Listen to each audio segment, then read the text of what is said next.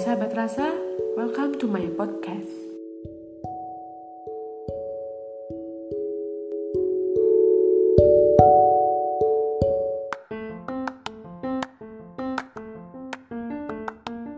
Salam sahabat rasa, di episode pertama ini aku mau bahas all about toxic relationship.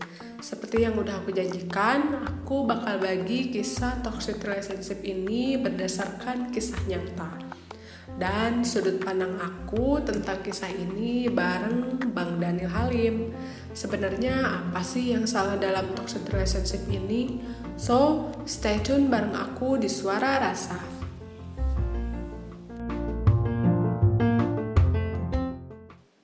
Hai sahabat rasa, aku udah bareng Bang Daniel Halim nih.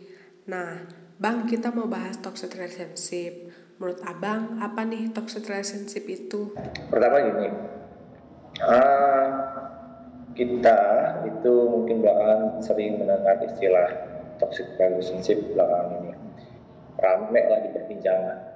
Kalau nggak salah yang bikin ramai itu para user-user uh, uh, influence, influence sosial media lah. Kayak di TikTok, Twitter, Instagram, yang kemudian bumikan bahasa toksik itu.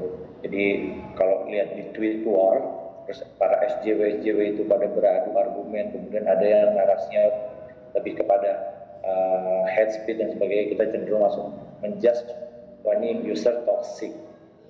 Dia udah keluar dari konten dan sebagainya. Dan itu akhirnya berimbas ke semua sosial media dengan tren istilah toxic toxic ditujukan kepada para user yang cenderung uh, menebar konten-konten yang sifatnya buruk, tidak baik, merugikan, atau bahkan bisa membahayakan. Itu poin pertama toksik. Kemudian dihadapkan dengan masalah realita di masyarakat dalam hal ini masalah-masalah sosial. Yang paling sering terjadi adalah dalam persoalan hubungan Makanya ketemulah ini istilah toxic relationship. Nah, lantas hubungan apa yang cenderung di, dianggap buruk? Kalau bicara relation itu banyak sebenarnya. Kita bisa melihat bagaimana relation antara orang tua dengan anaknya, ke, kemudian relation antara tem, teman, pertemanan, dari satu teman yang satu dengan teman yang lainnya, kemudian relation uh, dalam hubungan percintaan misal pasangan entah yang berbeda jenis atau sesama jenis di situ. Nah, kebanyakan hal ini terjadi karena dilandasi faktor tadi.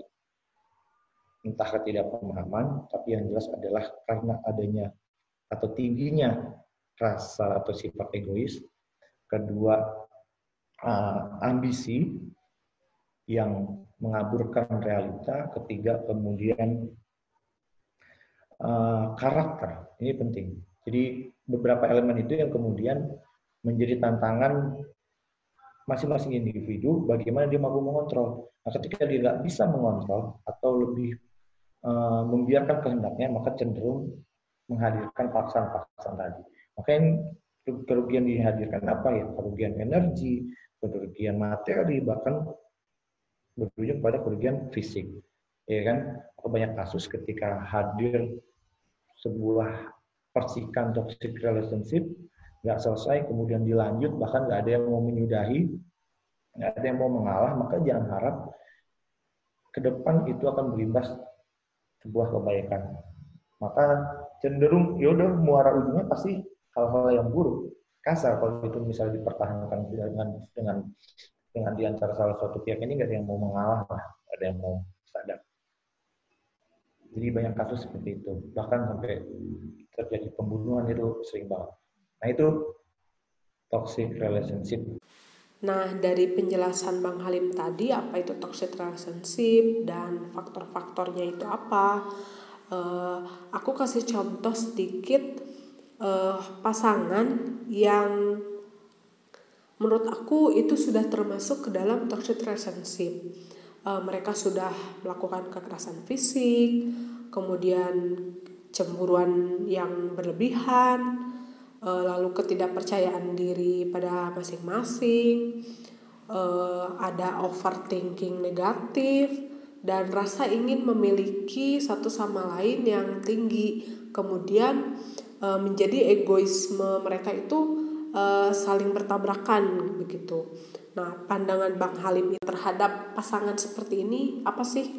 Ya, um, sebenarnya bicara toxic tadi, bicara toxic relation itu polanya sama. Penanganannya bagi gue sama, nggak jauh beda lah sama kayak uh, Epi ketika dalam organisasi, kemudian ada konflik dengan siapa, bahkan uh, dalam aktivitas dalam keluarga maupun percintaan dan sebagainya pasti umumnya itu bolanya sama. Sama dalam artian apa? Pasti yang paling dasar adalah bagaimana mempersuasi. Mempersuasi bagaimana untuk um, mereduksi agar gesekan atau konflik ini tidak terlalu besar. Minimal adanya tadi makan dulu di awal kesepemahaman. Itu yang menjadi kunci dasar awal ketika orang menjalin sebuah hubungan. Nah, makanya yang ditekankan ketika menjalin hubungan pertama itu biasanya seperti apa? Lu menjalin hubungan ini untuk yang sebatas yang lu inginkan atau yang lu butuhin. Kan poinnya gitu. Beda loh yang diinginkan sama yang dibutuhkan gitu. Kalau diinginkan maka wajar satu salah satu di antaranya atau bahkan kedua-duanya akan saling menuntut dengan uh, standar yang memang ada dalam stigma dia misalnya pasangan gua harus good looking harus seksi harus cantik dan sebagainya terus yang satu juga nggak mau kalah harus uh, banyak duit harus uh, glamor, harus berkarisma dan sebagainya. Itu PR. Terus ditambah mungkin kalau bicara butuhkan ya intinya dia bisa nggak memenuhi kebutuhan, bisa saling melengkapi. Kan poinnya kan. Maka kalau misalnya tidak ada uh, titik temu atau misalnya anggaplah dua pasangan ini awal mula jalannya sama-sama bagus, tapi ketika di pertengahan mulai ada gesekan yang berujung kepada tadi toxic relationship, Poinnya tadi persuasi, bagaimana bisa mereduksi atau bahkan kembali me, me, uh, menarik ke belakang bahwasanya ingat kita ngajarin hubungan ini di awal prinsipnya apa, tujuan apa. Nah kalau memang pada di pertengahan jalan itu sudah keluar dari apa yang disepakati di awal dan kemudian coba diluruskan berkali-kali tapi tidak memiliki titik temu, nah dalam hal ini kita harus bisa menurunkan ego sama ambisi. Yang artinya apa? Kita harus lebih pikirkan dampaknya nih bagaimana kepada individu kita. Kita udah coba ngertiin, kita coba coba uh, sama-sama ngalah dengan ego dan sebagainya, tapi masih keulang hal yang kayak gini. Di situlah kita kenapa dikasih akal. Bagaimana kita bisa menjadi pertimbangan kalau dipertahankan gue rugi apa enggak, bakalan gue pusing apa enggak, bakalan gue sakit atau enggak, gue bakalan capek atau enggak, kan seperti itu. Kalau misalnya kasusnya bakalan seperti ini terus. Tapi kalau misalkan bisa dibenahi dan sebagainya, why not? Tapi kalau misalnya nggak bisa dibenahi ya, lo harus pilih salah satu. Lanjut atau tinggalkan, kan gitu simpel. Makanya uh, yang ditekankan di awal itu adalah bicara kesepahaman. Kesepahaman ini diambil bagi mereka-mereka yang memiliki pemahaman lebih. Kayak contoh tadi kan yang disalin adalah yang nggak paham tapi yang paham juga bisa disalahkan. Udah tahu dia paham, tapi kenapa dia nggak berlaku sedemikian? Kalau misalnya contoh di anak kecil dengan orang tua, ya jelas yang salah pasti orang tua. Kenapa? Karena orang tua yang harusnya paham. Orang tua yang sudah mampu menggunakan akalnya. Kan gitu. Kalau misalnya dalam hubungan dua-duanya masih sama kayak anak kecil, berarti dua-duanya nggak paham. Dua-duanya berarti nggak menggunakan akalnya. Kan gitu.